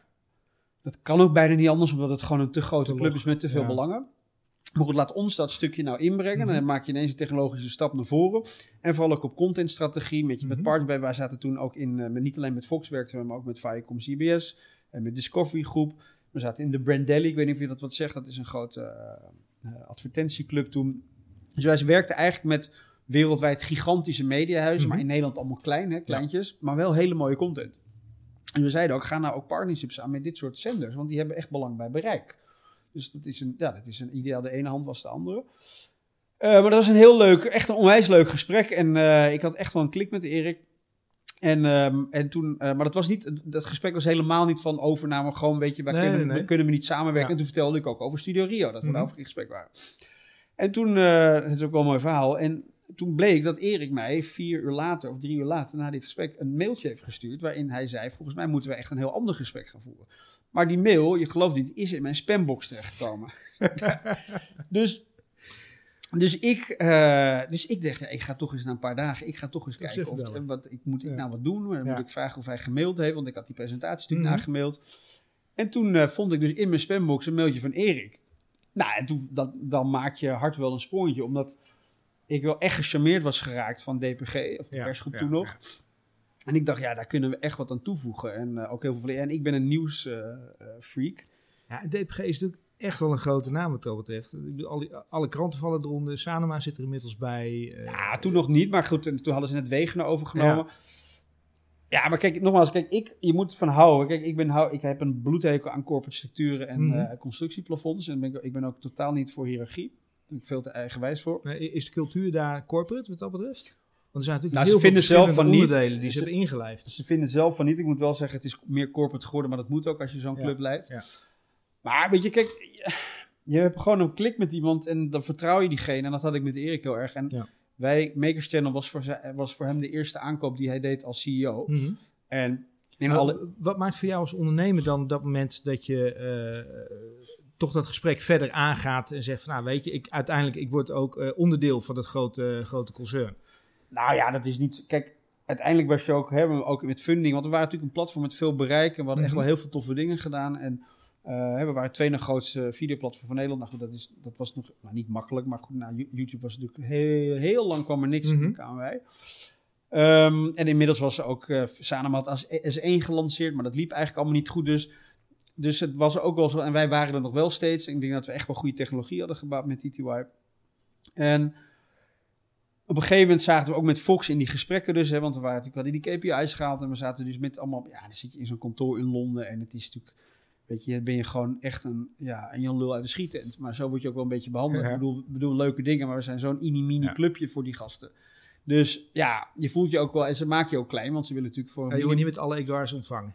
Nee, ik net, net, net de, de kleinste vergadering. Maar echt, echt, het is gewoon allemaal een spelletje. Dus je wordt in een klein vergaderkamer, zit midden in de zomer, bloedheet, moet je presenteren. Nou, ze vinden het allemaal leuk. En dat is ook om die waardering naar beneden te krijgen. Is natuurlijk allemaal een spel. En dan gaan ze met Excels en discounted cash. Nou, je wil Ja. allemaal niet weten, allemaal gelul. Ehm, en dus daar waren we, dat vonden we best wel lastig. En ook Maarten met name, die ook toen, eh, Maarten heeft, had toen in de tussentijd zijn bedrijf ehm, tweedehands.nl en een, een, een eBay verkocht. Mhm. Dus die had op zich. Dus die was ook echt vrij om mee te denken. Ja, toen die zei: maar jongens, weet je, want dit, de vraag is of we hier heel gelukkig van gaan worden. En toen kwam, ja, toen kwam Rodolf langs. En ja, nogmaals, het is gewoon een, was een enorme klik. En eh, hij heeft ook echt persoonlijk voor de deal gestaan. Dus eh, Mhm. er waren heel veel mensen, met name in België. Die moesten, dat was toen echt, echt een hele vervelende tijd in België. Die zeiden: ja, jezus, wat gaan we nou doen? En wat is het nou voor club? Mhm. En weinig omzet. En het is een belofte. Ja, ja. Maar toen Erik heeft echt gezegd, ja, we gaan het gewoon doen. En Ja. heeft ook echt op persoonlijke titel eh, dat doorgedrukt. Eh, Wat, wat als het niet was, eh, was doorgegaan? Ik bedoel, had je daarmee kunnen leven? Wa- Was je wel gelukkig wat dat betreft met de situatie zoals die was? Nou, de timing was wel goed. Ik moet zeggen, dan weet ik ook niet. Kijk, op een gegeven moment moet je, je... We waren wel toe aan een volgende stap Ja, met een grotere strategische partner. In alle eerlijkheid. En ook op een gegeven moment, je ziet ook je, je runway, zoals het zo mooi heet. Mhm. Hè, dus die raakt ogen. Dan zou je of een nieuwe ronde moeten draaien. Ja. En, of je moet je businessmodel aanpassen. Either way, weet je, je bent gewoon... En we hadden echt wel opties, hè. Dus... dus ehm, maar het werd gewoon heel snel concreet Ja. met de pers. Wij kwamen in eh, juni 2016 te spreken. En in november, 18, 6 november 2016, dus nog geen zes maanden later, waren we verkocht. Het is Ja. echt een, een nood. Ja. Ja. En eigenlijk al vanaf acht. Maar wat het mooie, dat is wat mooi, over het stomme theorie of stomme. Het leuke was dat wij dat uiteindelijk was er een akkoord vanuit Mhm. de sportredactie, ook omdat we in gesprek raakten. En ik weet nog heel goed dat tijdens de, tijdens de onderhandeling in de zomer, dat was echt een hele, hele intense tijd, wel echt heel cool en leerzaam, maar wel heel heftig. Dat op een gegeven moment ging die Rio beginnen. En we hadden natuurlijk die serie waar we het maken. En in Nederland monteerden we, dus elke nacht werd met, eh, met de meest brakke verbinding in Rio in 2016, want het was echt geen goed internet. werd binnengehaald. Maar uren zat je Ja. dus binnen. Dus nachts, nachts zaten bij ons mensen eh, dus dat binnen te halen. En dan dus korte clipjes die Mhm. we via AD verspreiden. Maar het leuke was, dat is allemaal wat ik dan gehoord heb, want ik was er natuurlijk niet bij, is dat omdat het natuurlijk niet over de sport ging, maar vooral de periferie ervan. Dus Ja, met sporters praten, de lol, het Heinekenhuis. We hebben daar dingen gedaan, echt waar, claim het gesloeg nergens. We hebben echt alle regels gebroken die er waren. We, wisten- we waren ook niet met rechten. We, we draaiden in, in mixzones, we stonden in het Heinekenhuis, daar mocht helemaal niet. We waren natuurlijk helemaal geen mediapartner. Het leuke was dat heel veel dames van, Mhm. eh, bij, bij- bij, bij AD zeiden, nou, die gingen naar de sportafdeling en die zeiden, jezus, is dit van ons? Nou, eerst was het, natuurlijk- niet van. En toen was het wel van, ja, dat is van ons. En eh zie van, jezus, wat leuk. En maken we dit, Ja, wat cool. En ze waren er heel trots op. Ja. En wij ook natuurlijk. En, dus, en er waren echt hele goede kijkcijfers. Nogmaals, AD is gewoon een machine. Mhm. Waanzinnig bereik. En sportredactie echt heel goed. En, eh, en dat hielp enorm. Dus, dus, en toen kon ik zeggen tegen Erik en alle mensen... Ik zeg, maar dit is nou wat ik bedoel. Dit kunnen wij maken. En daar is, dit is zo, dat is een beetje onze visie. Weet je, maak nou over je bereik gewoon unieke content. Want dat Ja. kan je. Weet je. je hebt de kennis, je hebt het netwerk enzovoort. En dat was wel een stukje... Ik bedoel, waarschijnlijk was die deal sowieso wel gevallen. Maar dan... Ja, dat helpt wel in je onderhandeling. En, dat, en dat is ook een beetje het geluk. En eh, ook doorduwen, net zo lang zeiken tot ze dat Studio Rio gingen uitzenden. Eh, moet je nagaan, wij betaalden het. Hè, en nog steeds vonden ze het gewoon echt eh, vonden ze het heel lastig. Eh, Uiteindelijk ben je daar, eh, is die overname doorgegaan. Ben je daar directeur eh, media geworden? Video. Video? Ja. Oké. Ehm, dan zit je daar een aantal jaren en dan op een gegeven moment kan ik me voorstellen dat je denkt van nou ja, weet je, ik ben ondernemer uh, in mijn in mijn bloed. Ik, ik ga toch weer eens een keer wat anders doen. Nou, nee, die, ik ben ook, uh, ik heb uh, eigenlijk, eigenlijk, dus vanaf 2012 eigenlijk non-stop gewerkt. Ik denk dat ik uh, tien weken vakantie heb gehad in die, in die, in die tien, de afgelopen tien jaar. Mm -hmm. wat me ook echt heeft opgebroken. Dus ik ben in 2019 heb ik even een paar maanden, heb ik even een, een sabbat, nou, sabbatical ben ik eventjes, break, heb ja. ik echt een break genomen. En ook met alle Erik en iedereen zei, ja Marco, eindelijk doe je het. Want ja. dit zagen we wel een beetje aankomen, dit moet. Dus ik, ik zeg, ja, ik wil ook nadenken, want ik was ook mm -hmm. met mijn earn-out was klaar. Ik was nog twee jaar sowieso gehouden ja. aan mijn, uh, aan mijn earn-out. Maar wat ik zeg, ja, ik vind het gewoon een... Het, was, het is oprecht een heel, en het is niet omdat ik er maar het is echt een fantastisch bedrijf met hele leuke mensen. En nogmaals, ja, ik heb, ik geloof op 12 of 13 kranten in Nederland en de buiten een abonnement betaald. Dus ik hou gewoon van nieuws en... Uh, een aantal hoofdredacteur ben ik ook wel een beetje, nou ja, gewoon zijn kennissen geworden, zelfs een, wel een vriend. En mm -hmm. het is gewoon heel bijzonder om in zo'n nieuwsorganisatie ja. te zitten. En ik denk dat wij met onze video-ambitie en ook als in start-up manier van denken en dadendrang en fuck it, we gaan het gewoon doen. Ja. Dat we daar ook de persgroep wel ook tot nieuwe inzichten hebben ja. gebracht. Dat is ook wat ik een beetje toen ik afscheid nam, uh, wat ik ook wel meekreeg. Dat is wel heel leuk om te horen. is toch een beetje missionariswerk in die jaren geweest ook? De, ja, turnaround richting, nou, ik, richting ik was video? De, ik was de stormram van de Heroldorf, kan ik je melden. Um, nee, dat is ook met alle liefde, want ik hou wel van een beetje schoppen. Maar het maakt ook wel eenzaam, moet ik zeggen. Dus je bent dan soms wel, weet je, je bent dan echt wat, je hebt een target op je ja, rug. En ja. dan ben ik ook niet heel politiek en ook rommelig in mij. Dus ik ben best wel chaotisch. Mm -hmm. Uh, dat is soms bewust en soms ook echt niet. Maar in, in, in, um, in zo'n grote organisatie, kijk, wat ik nooit heb willen zijn, is onderdeel van. Um, ik wilde geen radertje zijn in het geheel. En nee. ook een beetje bang dat je dan je autonomie verliest en ja. je creativiteit. Uh, maar tegelijkertijd heb ik ongelooflijk veel geleerd in die ja. vier jaar. Van juist ook van heel veel collega's die een bepaalde structuur, een bepaalde manier van mm -hmm. processen aanpakken. Uh, ik moet zeggen, die, ja, dat is niet op de slij, maar mensen als Roldolf en Verguithuis, ja, dat zijn gewoon uh, zo'n, ja, dat zijn gewoon ras bestuurders en managers, mm -hmm. maar wel op een hele rustige, flamboyante manier. je zegt managers, ondernemende managers of toch echt wel managers? Nou ja, nee, maar je moet het. Ik heb enorme bewondering gekregen voor het leiden van zo'n schip. Ik bedoel, ja. mijn god, ik moet er niet aan denken, oprecht niet, hè? Nee, maar het is olietanken. Ja, maar het, het, het, vereist zo verschrikkelijk veel overzicht en, mm -hmm. en, en ook natuurlijk absoluut. Kijk, er wordt altijd gezegd, ja, als je in een groot bedrijf bent, enorm veel ondernemerschap. Ja. Want je moet vooruitdenken, je moet een, een, een, visie hebben op waar de wereld zich naartoe beweegt. Mm -hmm. Je moet opportunities pakken.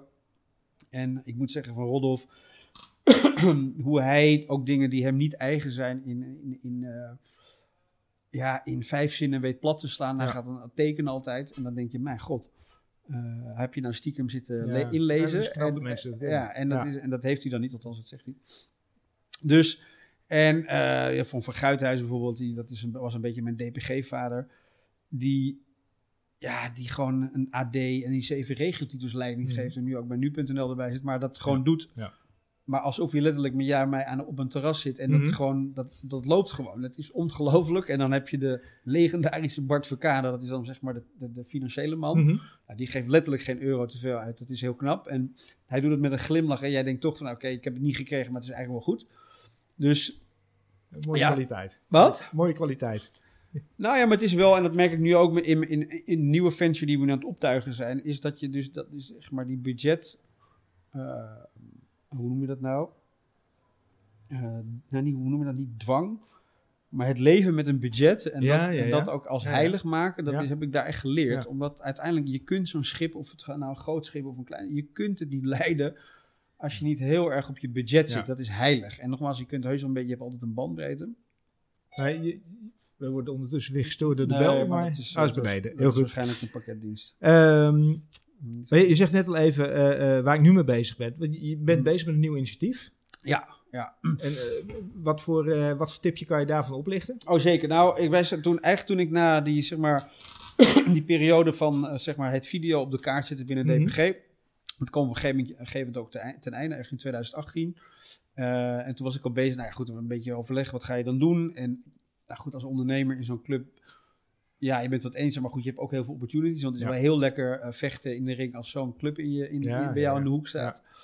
Um, ja, het is soms echt kind in de snoepwinkel. Het, eh, en met name ook omdat heel veel dingen nog niet georganiseerd waren. En is het Mhm. heel leuk dat je daar tegenaan kunt bemoeien. Alleen ik zei op een gegeven moment, ik kom van jongeren, weet je, Makers Channel was echt Ja. gericht op de jonge makersgeneratie, Mhm. waar ik, ja, ik vind het gewoon echt prachtig hoe die mensen dat allemaal doen. En nogmaals, je kunt ervan vinden wat je vindt. Sommige content vind ik ook verschrikkelijk, maar het is gewoon knap, elke dag maar weer. Ja. En eh, Ja, want soms vraag je je af, is het nieuws of is het entertainment? het is totaal entertainment. En, Lekker en, plat soms. En wat het gaat om, uiteindelijk is het gewoon onwijs knap als jij dus, en heel veel mensen probeert, hè, want je, je hoort Mhm. natuurlijk niks van de influencers die het niet geworden zijn. Ja. Je hebt een bepaalde X-factor en, en heel veel van die jongens hebben ook gewoon slim, zijn slimme ondernemers geworden. Al dan niet bij hun ouders thuis. Mhm. Maar goed, dus ik had altijd heel veel affiniteit met, die- met dat jongere gedeelte. Mhm. Ehm, weet je, daar ontstaan nieuwe culturen, nieuwe formats, alles. En dan heb ik ehm, in 2018 XIZ ontwikkeld als, ehm sorry, even slikken, Ehm, als een soort van antwoord op het eh, missen van de jongerenboot. En dat is niet Mhm. alleen bij DPG zo, maar het is bij alle grote traditionele media. En natuurlijk bereikt ze heus wel, Mhm. of er zijn heel veel statistieken die bewijzen dat wel zo is. Maar intrinsiek is het niet zo. En dat is ook niet erg. Eh, maar het is wel een feit. En de- bij DPG gaat het heel goed, met RTL maar het gaat allemaal best wel goed. Alleen ze missen 5,6 miljoen jonge mensen tussen de 16 en 39. En daaronder al helemaal. Maar dan heeft DPG zoveel overgenomen. Waarom hebben ze dan bijvoorbeeld Rumach niet overgenomen? Die juist wel die doelgroep nou, daar kom, daar kom ik nu op. Oké. Dus, ehm, wat, eh, dus een van de. Dus ik had toen, ben toen aan, aan het werk. Of, ik- jongens, volgens mij moeten we wat gaan doen aan die Ja. jongerenpropositie. Ja. Die missen we echt. Alleen je kunt de jongerenmarkt niet aanvliegen zoals je in traditionele media doet. Namelijk, Nee, je neemt een nee, Wegener of Sanema over. Of, of, de Telegraaf, of de TMG moet ik zeggen. Dus de, eh, de, de, de noordelijke dagbladen Mhm. overneemt. Dat is een, het is een gefragmenteerde markt die zich vooral op, op Amerikaanse sociale media voorbewegen. Eh, heel erg video-driven zijn, Mhm. instant-driven zijn en niet per se de hele dag voor nieuws komen. Dat is natuurlijk anders. Ik ben opgegroeid met nieuws, jij ook waarschijnlijk. Mhm. Je hebt twee, drie kranten thuis en, Ja. eh, en dat soort je dit. Ik zeg maar, wat nou als we nou, eh, en dat heb ik gedaan met een aantal mensen om me heen, is van, hè, dat zo'n idee komt nooit autonoom, maar dat, dat, dat komt tot wasdom in Mhm. gesprekken van, oké, wat zou nou werken en wat zou nou niet werken? Toen hadden we een aantal eh jongere platforms die toen ook al best wel gewoon goed bereik hadden, en geld gewoon verdienden, gewoon EBITDA plus, als het dan zo mooi heet. Eh, jonge ondernemers die echt al in die markt gewoon bestonden. Mhm. Ik zei nou, eigenlijk wat DPG doet, is namelijk in het. Waarom kan je in het wat DPG in het groot doet, niet in het klein doen? Dus DPG heeft natuurlijk ook Trouw, Volkskrant, Parool, eh, eh, AD en alle regiotitels Mhm. daaronder en dan Ja. ook Q-Music.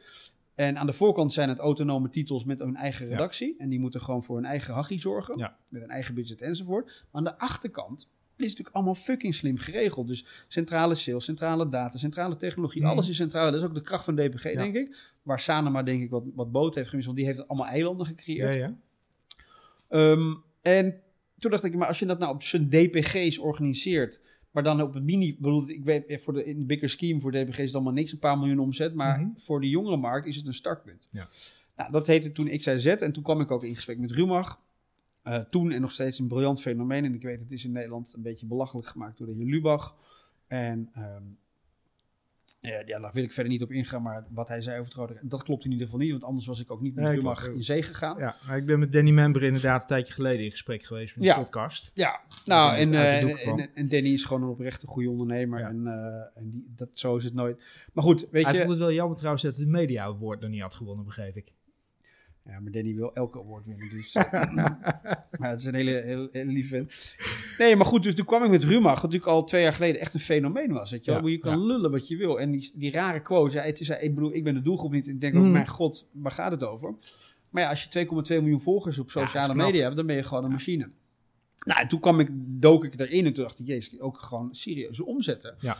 In 2019 draaide Rumach gewoon 3,1 miljoen euro omzet. Mm. Dat is anderhalve euro per volger. Ja. Ga er maar aan zijn in Nederland. En iedereen die Rumach probeert belachelijk te maken, sorry. Ja. Maar ga het zelf maar eens even doen. Het is gewoon een fenomeen. En, je, wat je, en dat is natuurlijk ook Hollands. Als je, het, als je het niet leuk vindt, dan moet je het afkraken. Ja, in klopt. plaats van toch Ja. respecteren voor Ja, het feit absoluut. dat het er is. Absoluut. Ja, en dat verhaal met Arjen Lubach heeft ze natuurlijk wat dat betreft echt wel eh, eh, het aanzien gekost voor een groot gedeelte. Ja. Eh, Ja, zeker. Dat heeft ze de nodig volgers gekost, nodig omzet gekost. Volgers viel mee. Dat is ik geloof een daling van 1,2 procent. Ook en, en in engagement zeker. Ja. En ik was toen dag en nacht bij ook. Want ik was, nou ja, om dat heel af te maken, dus Rumach, dacht Mhm. ik van jongens. En dat is ook met, met, met Danny gesproken, met Thijs en toen met Ferdi, die was er toen net bijgekomen. Van god jongens, als je nou als Rumach als kerncentrale neerzet en daaromheen jongere platforms die eigenlijk de infrastructuur van Rumach, want dat, dat is echt wel een goed georganiseerde Mhm. club. Daar werkte toen ook al 30 man. Eh, als je dat nou neerzet en gebruikt om die andere eh, platforms te ont- ontzorgen, Ja. dus alleen maar focus op het maken van content en wij zorgen voor de rest, technologie, sales, alles. Dan heb je best wel, net als bij DPG, een soort kerncentrale waar je een, een Ja. mediahuis op kan bouwen. Dat heette toen XIZ. Mhm. Alleen toen ik dat bij Rodolf en Van Guithuizen voorstelde, toen was Erik daar absoluut enthousiast over. En dat gaan we doen. Alleen in dezelfde tijd eh, diende Sanema zich aan als mogelijke om- overnamepartner. Mhm. En toen, en niet alleen mijn initiatief, heel veel initiatieven zijn toen stilgelegd. Van ja, Ja. jongens, dit, de, de focus gaat hierop. En dat snap Ja. ik. Dus vele malen beter dat dat, dat voor, voor, de, voor de toekomst van DPG een stuk, Mhm. stuk eh, interessanter. En toen zei hij van, nou, laten we het een jaar stilleggen. En op een gegeven moment, nou ja, dat heb ik ook gedaan. Toen ben ik ook een paar maanden eruit gegaan. Ook tegen de jongens van Ruma gezegd. Ik weer terugkwam, heb ik ook bij DPG, ook bij Van jongens, ik ga dit wel weer oppakken. Want ik Mhm. geloof hier echt heilig in. Ja. Ik geloof dat er tijd is om een jongere mediahuis, Mhm. eh, waar je in ieder geval een basis gaat creëren, waar talent de kans krijgt, waar je nieuws de kans gaat geven, nou, ja, enzovoort. Ehm, en dat heb ik eh, eind 2019 weer opgepakt. En ben je met de mannen van Rumach om de tafel gaan. Sorry. En ehm, ja, dus we eigenlijk enthousiast zijn. We, naga- we gaan een dek gaan bouwen. Jongens, we gaan daar ook investeerders voor ophalen. Ja, alleen toen kwam corona. Ja. En toen, nee, ik was toen inmiddels creatief directeur van de entertainment tak. En ja, dat klinkt natuurlijk heel gek, want in, in, in de basis een verschrikkelijke tijd. En met heel veel impact die we nog heel lang gaan navoelen. Alleen voor DPG werd ineens, ja, dat was een gekkenhuis. Niet Ja. alleen in nieuws en bereik, maar ook eh, de, de, de adverteerders vroegen eigenlijk na twee, drie weken al... heb je in godsnaam content waar het niet over corona gaat, waar we kunnen adverteren? Is er nog wat anders? Ja, maar dat, en dat is ook logisch. We kunnen ook wat goed nieuws, want hè, er was natuurlijk al die Ja, maanden... het bleef maar gaan. het Bleef maar gaan. Ja, maar het was niet normaal. Maar goed, dus wat gebeurde? Dus we hadden dat gedaan. En inmiddels hadden wij eh, ook, eh, nou ja, via, via mijn netwerk en mensen van joh, hadden we wat informele investeerdersgesprekken. En dat weet ik Mhm. nog heel goed, we zouden dinsdag zitten bij een grote eh, venture capital firm. Mhm. En op zondag was dus die uitzending van Lubach. En ik was nog Mm. letterlijk aan het werk. Ja. Om, want ik adviseerde toen eh Rumach om, om, nou ja, weet je wat ik was? We gaan, ik help jullie om Ja, in ieder geval ja. dit stukje te doen. En dan kijk ik of ik DPG er wel bij kan trekken. Ehm, en ik weet nog heel goed, en ik had, nou ja, degene die dat die ik toen had aangedragen, die, dat is een, eh, goed, een goede vriend van mij. En ik weet nog heel goed op zondagavond, ik zat, eh, ik zat achter te werken achter mijn laptop. Toen kreeg ik een, een WhatsAppje met de foto van Arjen Lubach met zwart, met witte letters erachter Rumach. En ik denk, mijn god. En we hadden die week daarvoor al met Thijs, de toenmalige eh, CEO, Ja, ja. waren er wel wat dingen geweest, hè, ook in het nieuws en zo. Nou, dat weet je allemaal, dat hoef ik niet allemaal niet op te halen. Maakt ook allemaal niet uit hoe het is gelopen. Alleen toen kwam ik dat beeld en toen, nou, dan slaat je hart Ja. even over. Met name voor de mensen van Rumach ook, weet je. Want ik, moet nog eens- ik was hun gewoon aan het helpen en adviseren. Ehm, en ehm, alleen, ja, dan, en dan sto en ik, ik zeg, ja, ik was het gewoon dag en nacht bezig Ja. met, eh, nou ja, met, met, met de persgroep. En een fantastische tijd gehad. Ja, dat klinkt nogmaals heel raar, maar echt, echt tropen. Echt zeven dagen in de week. We hebben met drones over Nederland gevlogen. We hebben live shows van het dak, van het dak van Q-Music. Bijna een soort halve oorlogsverslaggeving. Ja, Ja. dat klinkt heel gek, maar dat was wel, is wel een hele bijzondere tijd. En je houdt het ook alleen maar vol op het moment dat je op je energie vaart, volgens mij. Nou, ik Als was je het echt zeven dagen doet. Ja, maar Clemens, ik was Ja. zo blij. En ik, ik had Ja. echt te doen met heel veel mensen om me heen die gewoon waar hun werk stilviel, Ja. thuis zitten en niks doen. En ik, was, ik, ik schaamde me gewoon bijna om te zeggen dat ik gewoon elke dag eh, tot... Met eh, plezier naar je werk tot- nou ja, je kon niet naar je werk. Je zat allemaal thuis in die Zoom-calls. Maar nee, een hele bijzondere tijd. En dan zie je ook wat een prachtig bedrijf DPG is. Nogmaals, ik heb daar ook wel wat minder goede dingen over te zeggen in termen Mm. van politiek en, en, en, eh, en stroperigheid. Maar voor mij overheerst... eh, Ja. wel echt de trots om dat, daar gewerkt te hebben. En toen op een gegeven moment, eind van eh, vorig jaar, kwamen ook mijn toenmalige leidinggevende en ik kwamen toch wel tot de conclusie. En ik was toen ook, stond, was toen ook wel echt veel meer involved met mm en de plannen en Ja. XIZ 2.0. hè, Want dat laat ik Mhm. het zo nog maar even noemen. Dat toen eigenlijk het moment van afscheid gekomen was. En ehm, ja, dat eigenlijk ook een, eh, het voelde ook goed. En Ja. ik ben er met 1 maart weggegaan. En inmiddels zijn we met, eh, ja, met een hele leuke club investeerders. Staan we op het punt van het starten van wat XCZ toen was. Uiteraard Mhm. met, met alle input van alle mensen om me heen, slimme mensen om ons heen. Die gezamenlijk is het nu een nieuw mediahuis geworden. Wat zich echt richtte op de INZ-generatie. Dus die naam zullen we binnenkort bekendmaken. Oké. Eh, Dat blijft niet XYZ. De werktitel is XCZ. Oké. En daar is Rumach dan onderdeel van? Ja, Rumach is een heel belangrijk onderdeel, als niet het belangrijkste onderdeel. En met de Mhm. mede-founders van Rumach doen we Ja. dit ook samen. Het is echt een joint effort. Eh, ik, XAZ was ooit het startpunt wat we nu hebben Mhm. gemaakt met elkaar. Is wel echt een Ja. joint, een joint effort. Dan begrijp ik dan voor jou dat, X, eh, of dat eh, eh, zeg maar de back-office van Rumach, dat wordt ook zeg maar de Ja. backbone van dat mediahuis. Het is gewoon DPG in het klein. Oké. Dus, eh, en ik zat een paar weken geleden bij, eh, bij Erik Rodolf en Verguithuis Ja? om ze te vertellen. En dat had ik echt beloofd wat we gaan doen. En eh, Mhm. nou, dat was hartstikke leuk om met elkaar in de ruimte te zitten. En toen zeiden ze wel, godverdomme, eigenlijk hebben wij wel recht op een beetje... een We be- willen meedoen. een Ja, beetje IP. ja, ja, ja. En nee, nee, nee, want we hebben echt gezegd, kijk, ik geloof niet, dit moet je niet doen met een traditioneel Nee, nee, mediahuis als nee. partner. Want dan het het, zijn partners, het is een partnership. Het is geen, Rumach wordt niet ingelijfd in dat verhaal. Nou, de, het precieze construct, daar gaan we. Het is wel een buy-and-build eh, eh, venture, zoals Mhm. het dan zo mooi heet. Eh, dus, dus ja, een soort van wel, maar we ondernemen met elkaar. Dus Ja. de platforms die zeg maar onderdeel zijn van het netwerk wat we creëren, Mhm. die zijn ook een stukje eigenaar van het grotere geheel. Ja. Dus dat is dat, want anders vind ik, dan werkt Ja. het ook niet. Want achter zit natuurlijk ook investeringsmaatschappij. Ja. Hubert de Tan heeft Ja. ook iets eh, geïnvesteerd. En die gaan allemaal mee in het nieuwe initiatief en die staan ook echt wel, die worden ook mede-eigenaar van het volledige initiatief. Tof, tof. Ja. En dan gaan jullie eh, uitsluitend content maken voor deze generatie? Nou, er zijn een paar elementen zonder al te veel eh, dingen prijs te geven. Maar wat we gaan doen is, we hebben geloof, ik geloof heel erg in, eh, in, hè, waar je ook van leert in je altruïstische verdienmodellen, dat werkt Mhm. niet. Ehm, ik geloof heel goed dat commercie en nieuws en journalistiek naast elkaar kunnen staan. Mhm. Ik heb enorme voorliefde voor journalistiek. Ehm, dat is niet alleen vanwege DPG, ehm, maar daarvoor al. Mhm.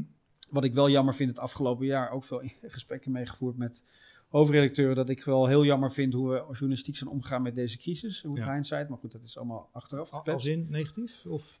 Nou, eenzijdig? weinig kritisch. En, en, en, Ja. en te veel meelopen in de pas van de overheid. Zonder dat de overheid iets niet goed doet. Die, zijn nou, die, doen, die, proberen, die doen heus wel het beste Ja, voor wat, voor de mensheid goed is. Alleen, je hebt de pers nodig om dingen kritisch te beschouwen. Ook om mensen te behoeden voor onnodige misstappen. Zoals nu een testsamenleving. Even los van dat het misschien heel logisch is. Maar een miljard Mhm. wegpissen. eh 5,1 miljard bij VWS. Wat niet, wat, waar geen bonnetjes tegenover staan in de haast. En dan vind ik het de taak van Ja. de media. Oprecht van de journalistieke media Mhm. om die democratie te bewaken. Het Ja. klinkt heel zwaar, maar het is echt zo. Ja. Want wie moet het anders doen? Nou, alles wat op dit moment een beetje een tegengeluid geeft. eh, Ik heb het idee dat daar censuur op wordt, eh, wordt gepleegd. Kijk naar Maurice de Hond, die om de havenklap wordt eh geboycott op LinkedIn. En weet ik veel wat allemaal. Nou ja, dat is dus, dus dat, maar goed, dat, ja, ja, ja, nee, ik weet niet, censuur vind ik een heel zwaar woord. Ik denk, ik bedoel, uiteindelijk kun je in dit land gewoon zeggen wat je wil. En eh, ehm, eh, ja, LinkedIn en met name heeft natuurlijk wel een paar keer dingen weggehaald waarvan je denkt, ja, maar Ja. jongens, hier staat zelfs een Maurice van der Bos, Ja, de CEO van het zijn. OVG, dat, Ja, die, die ja. ik met veel plezier volg. Ja, jongens, maar wacht even, als je nu de CEO van het OVG gaat zitten aanvallen op zijn woorden, dat kan echt niet. Raar. Ja. Nee, maar even los daarvan denk ik dat er, wat ik wel mis bij de traditionele media, is Mhm. gewoon de, de oprechte Mhm. kans die jong talent krijgt. Ja. Journalistiek talent, om fouten te maken, om Mhm. daarvoor beschermd te worden. Ja. Ehm, als, je kijkt naar, als je kijkt naar de jongere generatie, wie was nou echt een stem van, behalve het- bijvoorbeeld een Talita Muse? Nou, weet je, die is dan ook de helft van de tijd kop van Jut. Die, hè, als zodra ze iets fout zegt, hup, dan wordt Ja. Twitter Nederland hakt erop in. Dat vind ik sowieso een, een Ja, verschrikkelijk medium. Twitter en negativiteit gaat wel samen volgens mij. Echt, Ja. maar goed. Het is, en met name met de Hollandse, eh, Ja, ja, ja. hoe zeg je nou, ja, de manier van doen in ieder geval in Nederland. volkssport om Ja. elkaar de, de maat te nemen en dat maaiveld zo gelijk mogelijk te houden. Maar als je dan kijkt, wie was nou de stem van de jonge generaties de afgelopen anderhalf jaar? En als je dan ziet, wanneer heeft nou de traditionele media... Nogmaals, Mhm. en dat is niet... De traditionele maakt echt nieuws naar eer en geweten. Dat wil Ja, ik ja. blijven herhalen. Eh, mensen als Hans Nijenhuis of Pieter Klok, die staan niet op... Mhm. S ochtends van, nou weet je wat, wij gaan nu eens even de helft van het nieuws gaan we niet vertellen om Nederland voor de gek te houden. Nee. Maar er ontstaat wel een soort tunnel, waardoor je uiteindelijk denkt van misschien moet het wel niet doen, dus je maakt wat andere keuzes. Nou goed, en in dat geweld is weinig ruimte voor de stem van de jongeren. De jongeren kreeg pas aandacht in, in, eh, in Nederland voor haar Mhm. problemen, die er gewoon echt zijn, mind Ja. you. En het ene rapport naar het andere komt nu uit. Toen Famke Louise door Diederik Gommers op, bij Jinek werd omarmd. Ja, hij had het empathisch vermogen op dat moment. En en omdat hij het deed, omdat hij toen volkslieveling nummer 1 was, zeker bij de, bij de oudere generaties, dacht oké, misschien moeten we toch even gaan luisteren nu. Ja. En dat dat ervoor nodig is, vind ik eigenlijk heel kwalijk. Hè? Dat je dus dat daarvoor werd een jongen afgedaan als een zeurpiet en zei ik niet zo. Je haalt het wel weer in. Hè? Ik zeg maar, hoe de fuck Ja. Zijn jullie, zeg ik dan even, om te Mhm. bepalen of het jaar wat een jongere inlevert meer of minder waarde heeft Ja, dan het klopt. jaar dat jij Ja, stilstaat. Dat is natuurlijk een bizarre afweging en dat kun je gewoon niet doen. En dat werd wel steeds gedaan en nog steeds. En natuurlijk moet je levens rennen en natuurlijk moet je met elkaar even de pas op de plaats maken. Dat is allemaal heel logisch en er worden fouten gemaakt, dat is ook allemaal logisch. Je, je moet wel het, het, de mogelijkheid hebben in jezelf om verder te kijken dan nou, bijvoorbeeld Femke Louise die daar dingen loopt uit te kramen waarbij je denkt van ja hallo, hier heb je niet over nagedacht, het is niet slim. Eh, maar vanuit haar perspectief kan je dat misschien wel voorstellen. Exact, maar daar gaat het om. En dat is empathisch vermogen Ja. Dirk Gommers deed. En iemand die empathisch vermogen heeft, kan zich verplaatsen in Ja. de situatie van de ander. En gaat dat ook serieus nemen. En En hij op, deed op, dat. op welke manier gaat dat straks terugkomen in het mediahuis? Ga je dan nieuwe eh, brands eh, de wereld in gooien? Ja. Of ga je Ja. eh, nieuwe platformen creëren? Of ga je content maken voor bestaande eh, platformen? la, Nee, dus die eh, platforms, de, platforms die we verzameld hebben, die maken elke dag die hebben echt wel groot bereik. We hebben Mhm. echt al een, een behoorlijk miljoenen bereik per maand uniek. Met veel pageviews, daar zit heel veel simpel nieuws bij. Clickbait nieuws zoals je het wil. Maar goed, dat, daar is AD en Telegraaf doen niet anders. niet anders. Dan gaat het over de, inderdaad over Little Kleine, over Barbie, over Ex on the Beach. Dat is nou eenmaal wat de gemiddelde Nederlander gewoon bezighoudt. wel. Ja. Ja. Alleen daaroverheen gaan we nieuws en ook journalistiek leggen. En dat doen we allemaal heel bescheiden. We gaan niet van de toren blazen, weet je. We gaan het proberen. Mhm. Eh, een paar investeerders die bij ons erin zitten, die hebben dat ook als, echt als missie. Mhm. Ehm, en ja, we zijn ook van plan om, eh, om nieuwsmerken te starten. Ja, dat klinkt een beetje groot, alsof je een AD 2.0 gaat maken. Dat is niet zo. Mhm. Maar volledig op de digitale lees geschoeid. Oké, waar staat het over een jaar of vijf of tien? De mannen die jij erbij hebt betrokken, eh, of die erbij betrokken zijn, dat, dat zijn wel mensen die lange termijnvisie hebben. Ja, zeker. Ja, absoluut. We hebben echt een hele mooie club eh, ondernemers en investeerders. En nog wat, ik, het is niet flauw of flauw te doen, maar we hebben gewoon afgesproken dat we daar nu even geen mededeling Mhm. over doen. Het gaat ook niet om ons, het gaat om de platforms en de jongeren die Ja. daarachter zitten. Ehm, ja, waar staan Ik hoop echt dat we over, eh, liefst over twee jaar al, of een jaar, dat we echt een hele een serieuze plek innemen in het medialandschap. Dat we jonge mensen opleiden tot schrijver maken, dat we journalisten eh, voortbrengen, dat mensen bij ons willen werken, dat we opiniemakers hebben, dat we bereik hebben, dat we een stem hebben. Niet dat zeg ik we, hè, niet Marco van Kampen Mhm. en, en, en, en, maar dat de mensen die we nu zeg maar proberen een plek te geven. En ja, als ik nu zie wat voor jonge mensen wij hebben rondlopen, het enthousiasme en ook echt veel mensen die, niet in, die gewoon niet zo snel een kans krijgen Mhm. in de traditionele media, omdat het allemaal, ja, iedereen ook school voor journalistiek, het is allemaal uit hetzelfde kringetje. En Ja. als je naar toneel kijkt, dan komen ze allemaal bij de toneelschool. Het is allemaal, en dat is niet Allemaal erg. gedrild tussen de kaders. Het is allemaal, je wordt, je wordt, je wordt besmet waar je mee omgaat. En nogmaals, het is niet iets slechts. Maar je moet je wel als organisatie daar zeer bewust van zijn. En je moet je af en toe jezelf laten opschrikken, opschudden. Mooi. Maar je zei ergens eh, aan het begin al, ik ben bezig met, met purpose. Dit is jouw purpose wat dat betreft?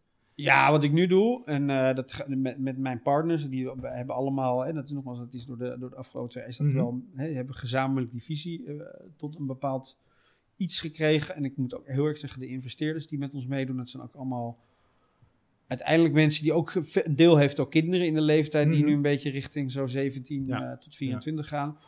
En ja, dat is echt een purpose. Ja. Nee, nee, niet- ja, dat klinkt zo amechtig, want dat bedoel ik helemaal niet mee. Het is niet Nee, zo dat het ik- is jouw reden om 's ochtends op te staan en te denken, ik ga hiervoor. Ja, ik ben niet bezig met exits of eh, uiteraard wel, want dat, natuurlijk wil je in de lange termijn ergens denk je, hoop je dat je een, zo'n dusdanig huis neerzet dat het ook echt wat waard is, natuurlijk. En daar, dat verwachten de investeerders ook. Mhm. Alleen ik geloof wel in dit veld ondernemer, dat, dat vergt wel een stukje eh, missie en, en, Ja. en, en intrinsieke motivatie om dit te willen doen. En eh, nou, het was een beetje bij EU1 en Makers Channel en eigenlijk is dit nu een beetje een soort verlenging. Mooi. Mooi, de rode draad. Ja. We zitten ondertussen ruim een, eh, ruim een uur te praten. Ehm, heb ik nog een vraag niet gesteld waarvan je zegt van, joh, hey, die moet eigenlijk nog wel te sprake komen?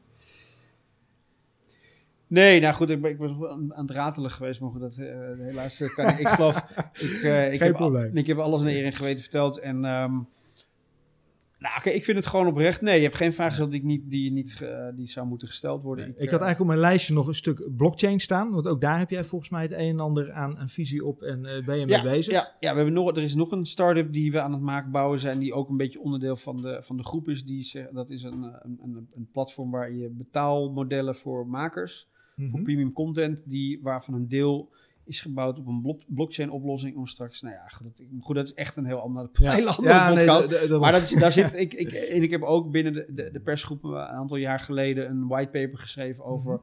wat blockchain kan betekenen voor, eh, voor het uitgeefvak, Mhm. eh, voor adverteren, of voor, Ja. eh, nou ja, gewoon voor het, het publiceren van artikelen. Dus daar zit wel een liefde voor. Ja, in, in- ja. maar tech- een beetje techniek houden. Oké, en misschien hebben we daar nog een keer op terugkomen. Want dan kom je volgens mij ook op Lightning Net- Network en fake news eventueel. En dan ga je ook die kant op en eh, authenticiteit van, van video.